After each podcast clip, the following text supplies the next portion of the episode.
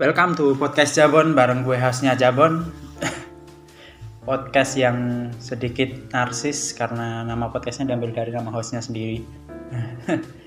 um, episode 2 ini uh, kayaknya gue mau pakai gua lu gua lu aja deh. ya gue ngerti kalau gue tuh aslinya emang dari Jawa. Asli dan besar di Gunung Kidul ya kalau makai gue lu gue lu kayaknya masih diremehin uh, ya bodo amat lah ya ini podcast gue juga. Soalnya kemarin tuh kenapa gue pengen pakai gue lu gue lu karena kemarin tuh episode 1 gue dengerin gue pakai aku kamu itu kayak rasanya intim banget dan bisa bikin baper gitu jadi ya udahlah. Anjir gimana mau maju nih podcast kalau yang bawa acaranya aja krisis identitas gini bang uh, oke. Okay hmm, kali ini gue mau bahas apa ya yang ada di pikiran gue tuh tentang ini nih. Beberapa waktu yang lalu udah agak lama sebenarnya. Itu beberapa temen tuh ada yang pernah upload story. Uh, isinya tuh kenapa kok orang Jakarta atau orang uh, Bandung nggak sih kayaknya waktu itu dia bilang kenapa orang Jakarta itu nanyain sering nanyain eh besok lebaran kalian pulang ke Jawa? Padahal kan Jakarta juga Jawa. Nah ini ini menarik uh, ya gue nggak tahu ini apakah bener apa enggak 100% tepat apa enggak tapi gue punya teori sendiri sih terkait tentang ini. Hmm, ya cocokologi lah. Gue jagonya cocokologi. Jadi ini cuma opini gue ya. Jadi uh, mungkin akan gua mulai aja. Uh, kalau lihat zaman dulu. Zaman kerajaan Majapahit. Lu lihat aja deh petanya. Uh, itu kerajaan Majapahit itu memang mencakup seluruh hampir seluruh uh, wilayah Indonesia sekarang. Tapi ada satu kawasan satu daerah yang nggak diambil atau nggak dicakup sama Majapahit ini. Dan daerah itu berada di yang kita sebut sekarang sebagai Jawa Barat dan Jakarta. Menarik kan? ya di Jawa Barat itu waktu itu e, namanya adalah Kerajaan Pasundan.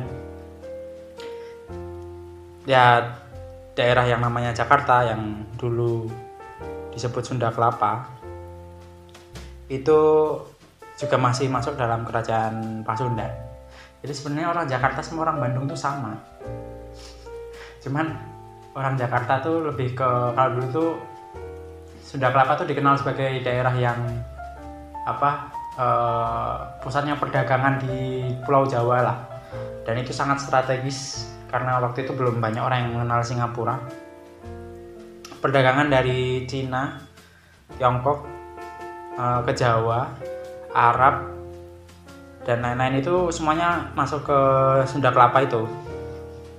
Dulu Sunda Kelapa itu disebut Sunda Kelapa juga salah satunya itu ada yang bilang kalau uh, itu adalah daerah Sunda yang banyak kelapanya yang digunakan untuk uh, apa perdagangan itu makanya disebut Sunda Kelapa. Jadi Persija sama Persib tuh kalau berantem tuh ngapain sih mereka sama-sama orang Sunda? Enggak, enggak. Orang Betawi pasti emosi nih kalau dengerin kayak ginian, enggak, enggak. Ya, orang Betawi itu istilahnya orang pantainya Sunda lah. Orang pantainya kerajaan Pasundan.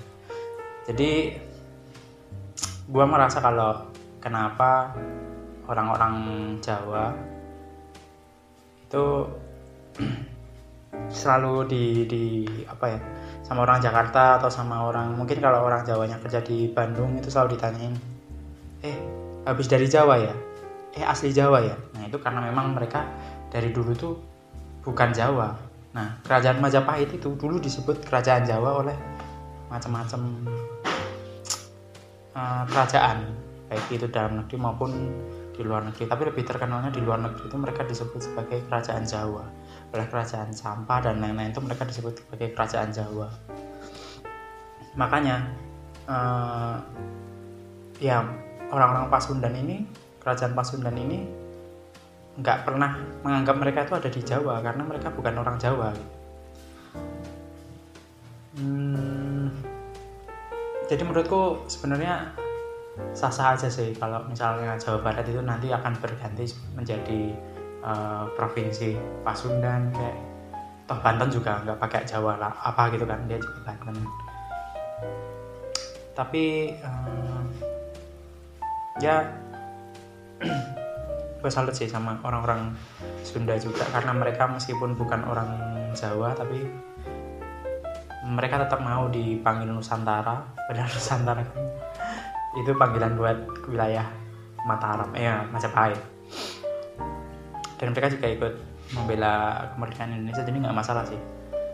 Uh, cuman kenapa sekarang masih Jawa Barat menurutku adalah uh, kemudahan penyebutan aja sih uh, kemudahan pembagian teritorial gitu.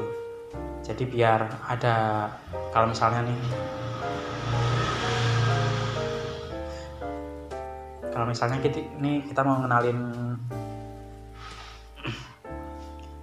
kita mau ngenalin Pulau Jawa. Kalau kita mau ngenalin Pulau Jawa ke mancanegara itu juga gampang gitu. Mereka akan membagi kayak Central Java, East Java, West Java makanya sekarang masih masih disebut sebagai Jawa Barat, Jawa Tengah dan Jawa Timur. Gitu. Ya mudah-mudahan membantu lah tapi ini juga cuma teori gue sendiri sih. Uh, mungkin ahli-ahli sejarah lebih tahu. Silahkan tanya-tanya ke mereka tapi kalau menurut gue sih gitu. Jadi uh, memang daerah-daerah Jawa Barat Jakarta itu bukan termasuk kerajaan Jawa atau Majapahit waktu itu dan itu ke bawah turun temurun terus sampai uh, ke keadaan sekarang atau zaman sekarang. Jadi mereka manggil kita tuh uh, ya orang Jawa dan kalau tanya habis mudik ke Jawa ya memang itu. Terus apalagi ya? Uh, nah gue mau bacain berita aja kali ya. Nah ini ada berita yang lucu. Uh, ya seperti biasa habis bacain berita gue mau nyari-nyari komentar netizen yang aneh. Uh, judulnya tidak pernah melakukan pelajaran tatap muka, siswi SMP di daerah Solo Raya ini hamil. SMP.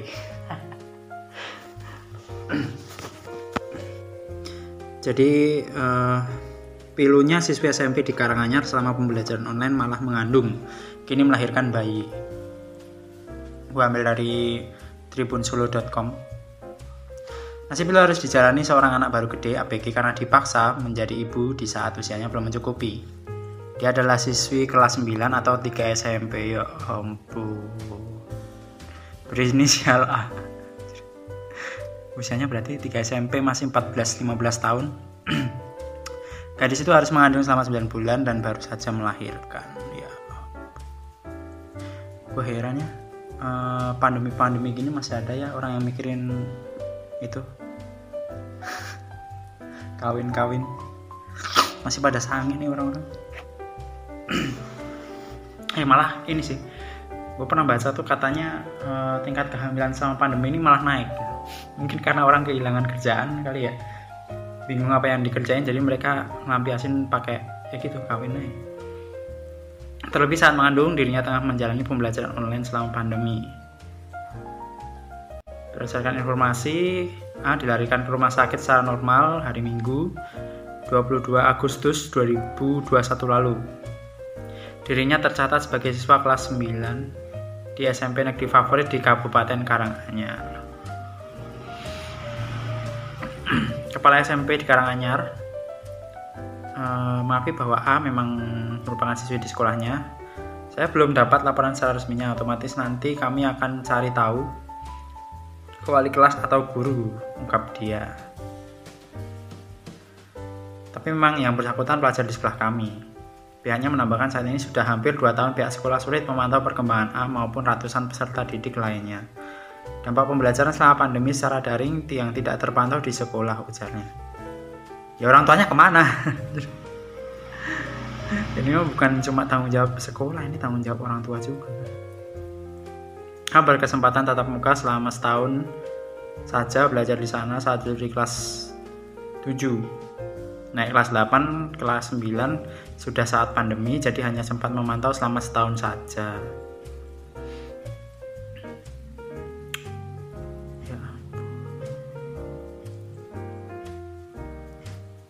ini ini anu sih.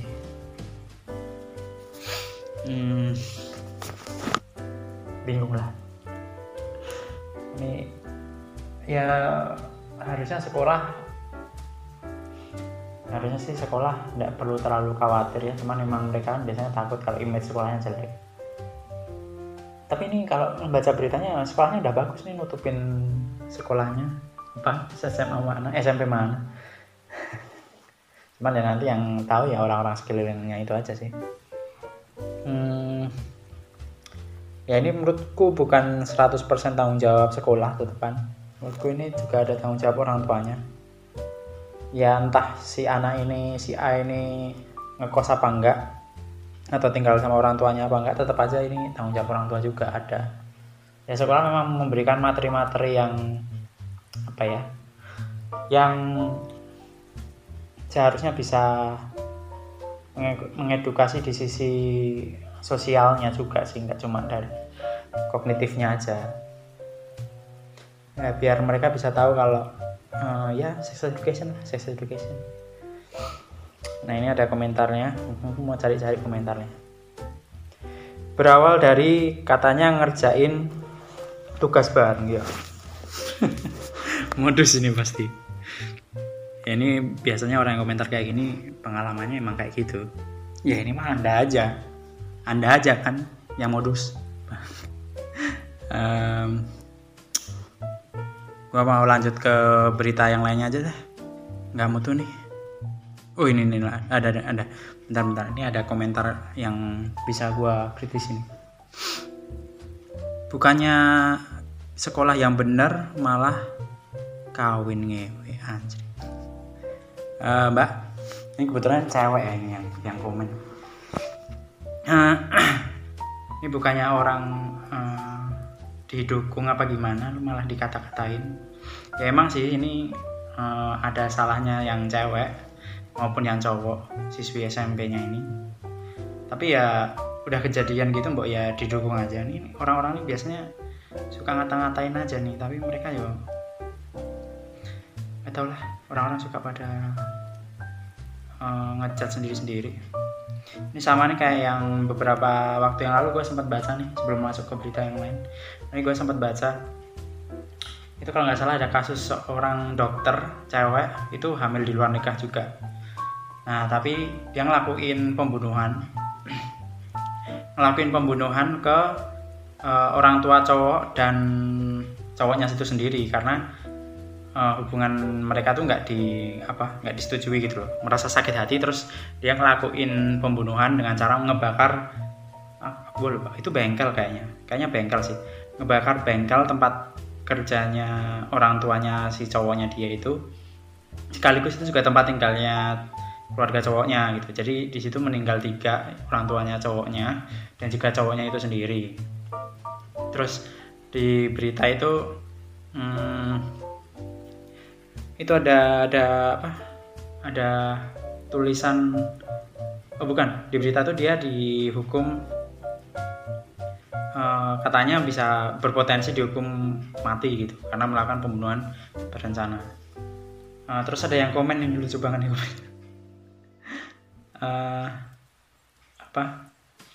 Ya salut buat mbaknya udah berani ngelakuin ini demi menjaga uh, harga harga dirinya gitu apa gimana gitu.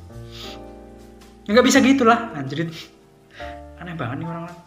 Ya masa lu membenarkan sebuah pembunuhan coy demi menjaga harga diri di mana-mana tuh nyawa manusia itu nomor satu dulu lah dibanding harga diri lah masa lu ya ampun kalau harga diri lu terluka ya gimana caranya dibalas dengan cara yang lain dong masa ini membenarkan ini jadi orang-orang tuh masih suka ini loh penilaian ganda gitu loh ada yang ada yang coba-nyoba nyari sisi positifnya tapi ya nggak positif positif amat.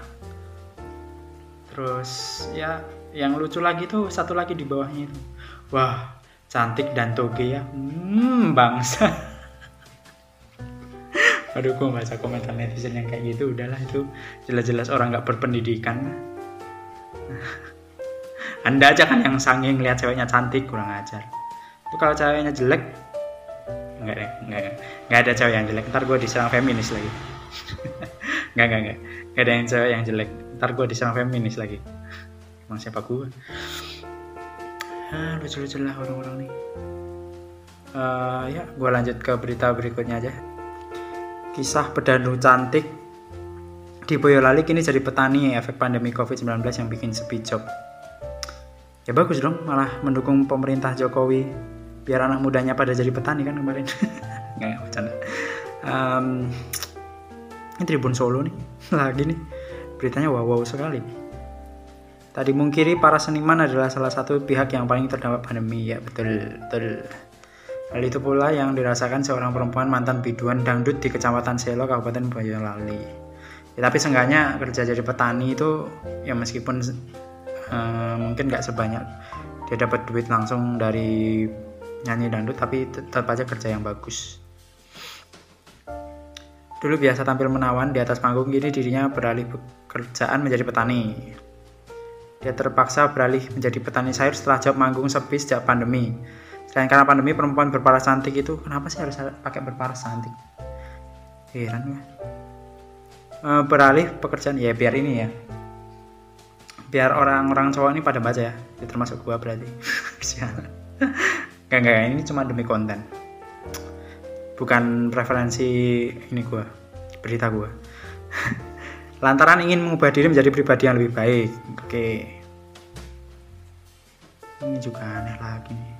Ini penampilan N berubah 180 derajat dari sebelumnya tidak berhijab, ini pakai hijab lah. Gak deh, gue gak mau komentar, gue minoritas. Sebagai petani, Novi setiap pagi membawa keranjang yang dia gendong berangkat ke kebun miliknya dengan jarak sekitar 1 km dari rumah. Dengan cekatan dia memilih sayur dia bla bla bla bla bla. Gue lihat komen netizen. Ada yang nyeleneh nggak? Pasti ada yang nyeleneh.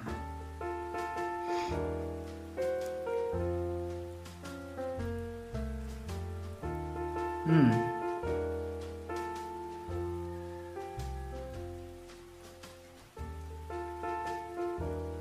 Wow, tumben nih netizennya ini ya normal-normal semua nih. Nggak asik lah nggak bisa di ini. Nggak nih ah ini ada yang julid. Saya yang dua sawah. Lah terus kenapa? Yang penting dia kerja bangsa daripada lu pengangguran. Udahlah. Uh, eh, gue mohon ke topik berikutnya lah selain baca-baca berita. Gue mau ini ngomongin prediksi ya. Prediksi juara juara Liga Inggris Liga Italia Liga Spanyol. Kalau Liga Inggris ya otak gue bilang MU nggak salah. Hati gue bilang MU tapi otak gue nggak mungkin MU masih jauh perjalanan oleh kalau mainnya masih kayak lawan Southampton. Kemarin main lawan ini gue tek hari Senin tanggal 30 ini kemarin MU habis lawan Wolf aja menang 1-0 itu susah payah dan harus pakai insiden meskipun ya emang emang tergolong bisa play on sih karena uh, kalau dilihat di VAR kan juga sempat dicek tuh si Neves itu karena berebutan bola sama Pogba terus Pogba kayak uh, nekel gitu kan. Terus ne Neves tuh ngambil bolanya tapi tackle Pogba tuh nggak kena kaki gitu cuma kayak mungkin nyerempet kali ya nyerempet. Tapi kalau dilihat tuh malah Pogba tuh di nutmeg sama Neves. Terus ya udah dioper sama Varan ke Greenwood. Terus ya Greenwood emang finishingnya lagi mantep sih. Langsung gol dan ya tapi sejauh permainan sih Wolves lebih bagus sih. uh, itu baru lawan Wolves. Cuman Wolves tuh sial kalah 0 0 1 0 1 gitu uh, Tottenham juga kalah 0-1 uh, eh, kalau lihat kualitas permainan sih ya antara City atau atau Liverpool lah siang aku mending City lah yang juara lah boleh amat lah. Atau Tottenham juara juga boleh lah gue gak peduli lah. Biar membuktikan emang Nuno Espirito Santos tuh mantep sih. Kok gue jadi ngefans sama Nuno ya? Terus ya prediksinya peringkat satu kalau nggak City ya Liverpool ya udah peringkat satu City aja. Peringkat dua ya Liverpool. Peringkat tiga aduh peringkat tiga siapa ya? Chelsea deh. Peringkat empat ya MU anjir Tottenham kenapa jadi jauh banget? Nggak nggak nggak. Peringkat satu uh, City peringkat dua Tottenham. Peringkat tiga Liverpool peringkat empat MU Bodoh amat pokoknya MU harusnya masuk champion lah. Ya antara antara ya peringkat 3 MU, peringkat 4 atau 5 terserah mau Liverpool apa City. Eh Chelsea. Uh, terus kalau dari dari transfernya sih uh, harusnya MU ya atau atau Chelsea ya. MU lumayan kuat ini transfernya, cuman ya nggak tahu pemainnya bagus tapi yang latih nggak bener ya sama aja yang latih pas peleng itu ya sama aja itulah prediksinya hmm, terus menurut gua player of the year-nya itu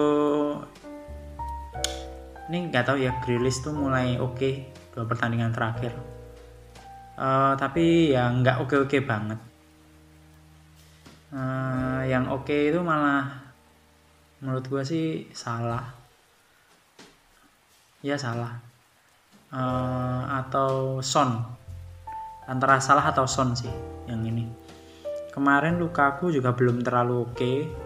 mati sama Van, Virgil van Dijk. Ya tak antara Son Grealish apa inilah uh, salah. Son Grealish salah. Antara itulah.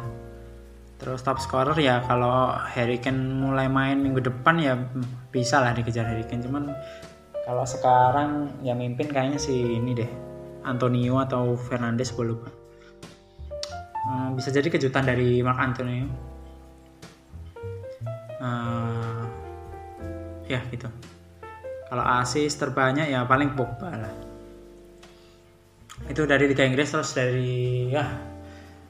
Oh enggak enggak selain gue memprediksi juara uh, selain gue memprediksi juara gue juga akan memprediksi yang degradasi lah. Ya kita menurut menurut menurut gue yang tim promosi yang akan survive Brentford karena sejauh ini belum terkalahkan terus mainnya juga oke okay. uh, eh, mentalitinya nyerang. Yang menurut gue degradasi itu Norwich sama Watford. Ya, mereka cuma naik buat turunnya biasanya. Um, tapi tapi uh, menurut gue kita cukup perlu mengapresiasi adanya Norwich sama Watford karena karena nggak ada mereka yang degradasi pasti langsung Arsenal. Nggak nggak bercanda. Sorry fans. Sorry Arsenal fans. Enggak enggak, enggak. ya yang degradasi ya Norwich Watford tuh udah jelas. Terus gue tuh pengen banget sih Burnley tuh degradasi deh sumpah. Kadang-kadang repotin MU main ya itu. Terus seri A. Seri A sih menurut gue yang juara ya nggak tahu nih Allegri kalau nggak nyetel lagi kayak kemarin kalah lawan Empoli Juventus 1-0 kalau materi pemainnya sih sebenarnya masih bagus Juventus uh, cuman kerataan tiap posisi itu kayaknya bagusan Inter deh Inter Milan sama AC Milan antara itulah Inter Milan atau AC Milan Inter Milan atau AC Milan itu juga oke. Okay. ini seru nih Serie A nih. Serie A itu jadi liga di mana orang tuh ke sana buat memperbaiki nilai transfer marketnya aja. ya kayak Lukaku dulu sempat cuma 80 pound sterling, sekarang nilainya 100 eh euro, sorry, bukan pound sterling. Terus ini juga wah seru nih, Serie A seru nih. Mulai rata lagi nih. Jadi antara Juventus, Napoli, sorry, Juventus, Inter Milan, AC Milan, Roma, Napoli sama Lazio. Ini 6 tim ini mulai mulai bikin Serie A seru lagi nih. Tapi kalau kualitas pemain kayaknya masih oke Juventus. Uh, cuman nggak tahu nih nanti pelatihnya Allegri bakal nyetel lagi apa enggak.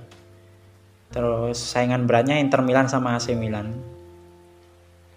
Terus peringkat 4 ya AS Roma lah gue percaya sama Mourinho nih kemarin mainnya juga bagus banget dan yang meraup poin penuh tuh Inter Milan, AC Milan, uh, Roma, Napoli sama Lazio kalau nggak salah ya. Ya gitulah. yang degradasi bodo amat gue gue bukan pecinta Serie A. Gue akan memprediksi itu aja lah Liga Inggris aja karena ada Arsenalnya tadi. Yang selanjutnya ini aja lah. Terus yang jadi pemain kunci buat Juve itu ya Kiesa tetap. Terus Bonucci Delik.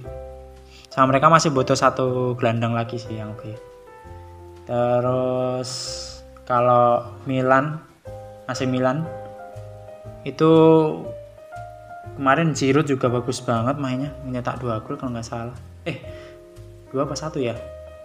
Lupa gua. Pokoknya dia nyetak gol lah. Terus uh, Brahim Diaz itu juga lumayan. Brahim Diaz sama Sandro Tonali. Pokoknya itu pemain-pemain kuncinya AC Milan lah menurut gue lah backnya backnya gue nggak terlalu ini lah Tomori masih belum terlalu kelihatan Terus kalau Inter Milan pemain kuncinya menurut gua uh banyak nih Inter Milan ternyata juga ada Lautaro Martinez. Terus ada siapa kemarin tuh yang dari Lazio oh Korea. Ada Korea juga debut langsung dua gol gila. Terus ada Ultraman Vidal dong. Ultraman Vidal. Nggak boleh dilupain itu lordnya Serie A. Ya lumayan lah. Inter Milan lumayan lah. Terutama barisan kedornya barisan serangnya ngeri. Uh, terus masih ada Calhanoglu juga. Sama backnya itu uh, Skriniar. Itu pemain-pemain kuncinya. Kalau Roma ada Lorenzo eh kok Lorenzo ini ada ada Pellegrini kok insinya itu terus ada Tammy Abraham Hendrik Mkhitaryan sama Jordan Veretout lah yang oke okay lah menurut gua. Sama mereka kedapatan kiper Rui Patricio yang menurut gua masih bagus. Terus ya pelatihnya juga Mourinho. Jadi gue sih berharap Mourinho bisa juara sih meskipun gue nggak suka cara sepak bolanya ya. Tapi tapi keren sih kemarin AS Roma mainnya. Sentuhan satu duanya lawan Salernitana itu menang 4-0 terus kalau Lazio kalau Lazio ya ada nama-nama klasik. Sergei Milinkovic Savic terus punya Ciro Immobile Felipe Anderson terus juga ada Pedro terus pelatihnya Mauricio Sarri yang pasti juga udah tahu siapa karakteristik permainnya Pedro. Karena dia jadi pelatihnya Chelsea waktu Pedro masih di Chelsea ya lumayan oke okay lah. Seru nih di Serie A seru nih tahun ini kayaknya. Itu menang 6-1 main lawan Spezia Immobile hat-trick gila. Uh, yang jago di Serie A tapi nggak jago di Euro. Terus ada siapa lagi ya Oh, Napoli, Napoli. Napoli juga ngambil poin penuh dua pertandingan kemarin. Kalau Napoli pemain uh, pentingnya kuncinya ya Kalido Bali lah. Jelas Pietro Zielinski playmaker handal menurut gue.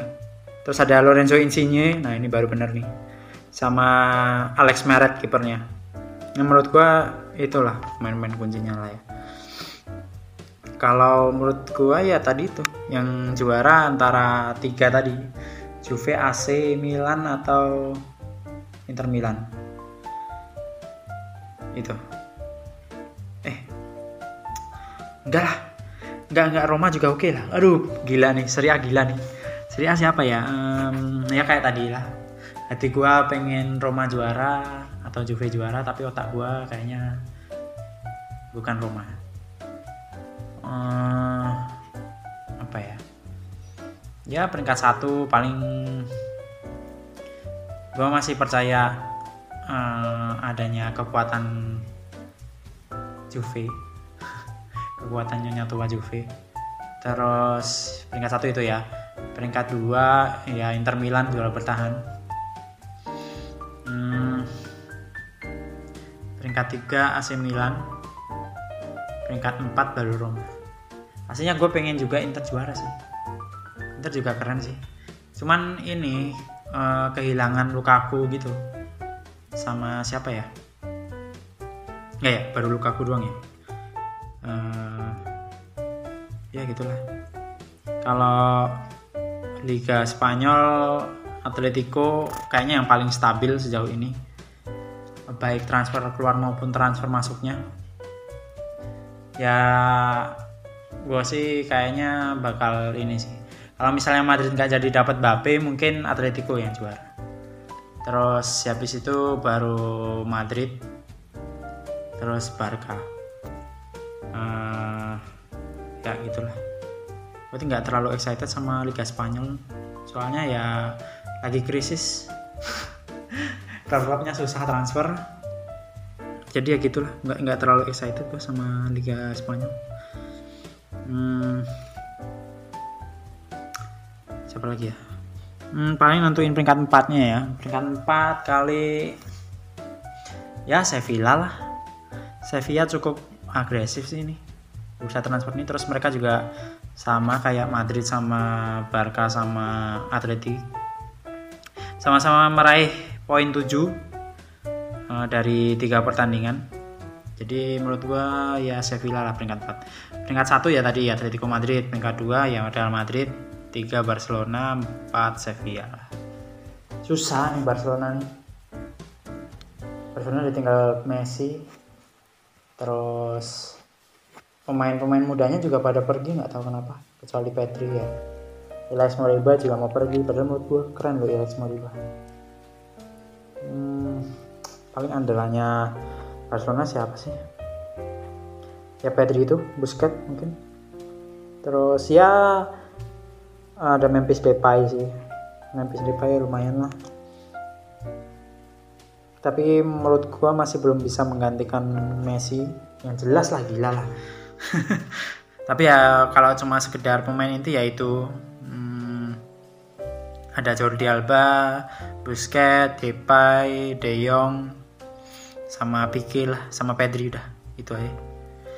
Uh, kalau kalau misalnya Atletico ya paling ada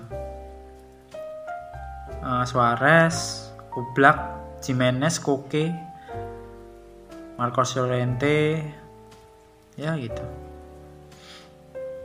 Terus kalau Madrid Madrid sih kenapa aku masih fancy dia juara dua itu karena ya musim ini dia nggak terlalu banyak kehilangan enggak sih enggak. Orang Farah aja ke MU Ramos pergi. Uh, ya soalnya gue masih percaya sama susunan kedalaman pemain antar posisinya sih. Vini juga lagi bagus terus Karim Benzema ya masih gacor lah menurut gue Federico Valverde Casemiro Isco. Ya paling paling PR-nya di belakang lah. Gue yakin David Alaba sama Eder Militao bisa langsung tel tapi ya siapa tahu. Ya gitu.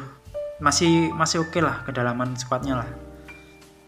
Makanya gue masih jagoin itu. Ya kalau Sevilla karena mereka lagi agresif agresifnya uh, transfernya lagi gila-gila. Kalau menurut gue ya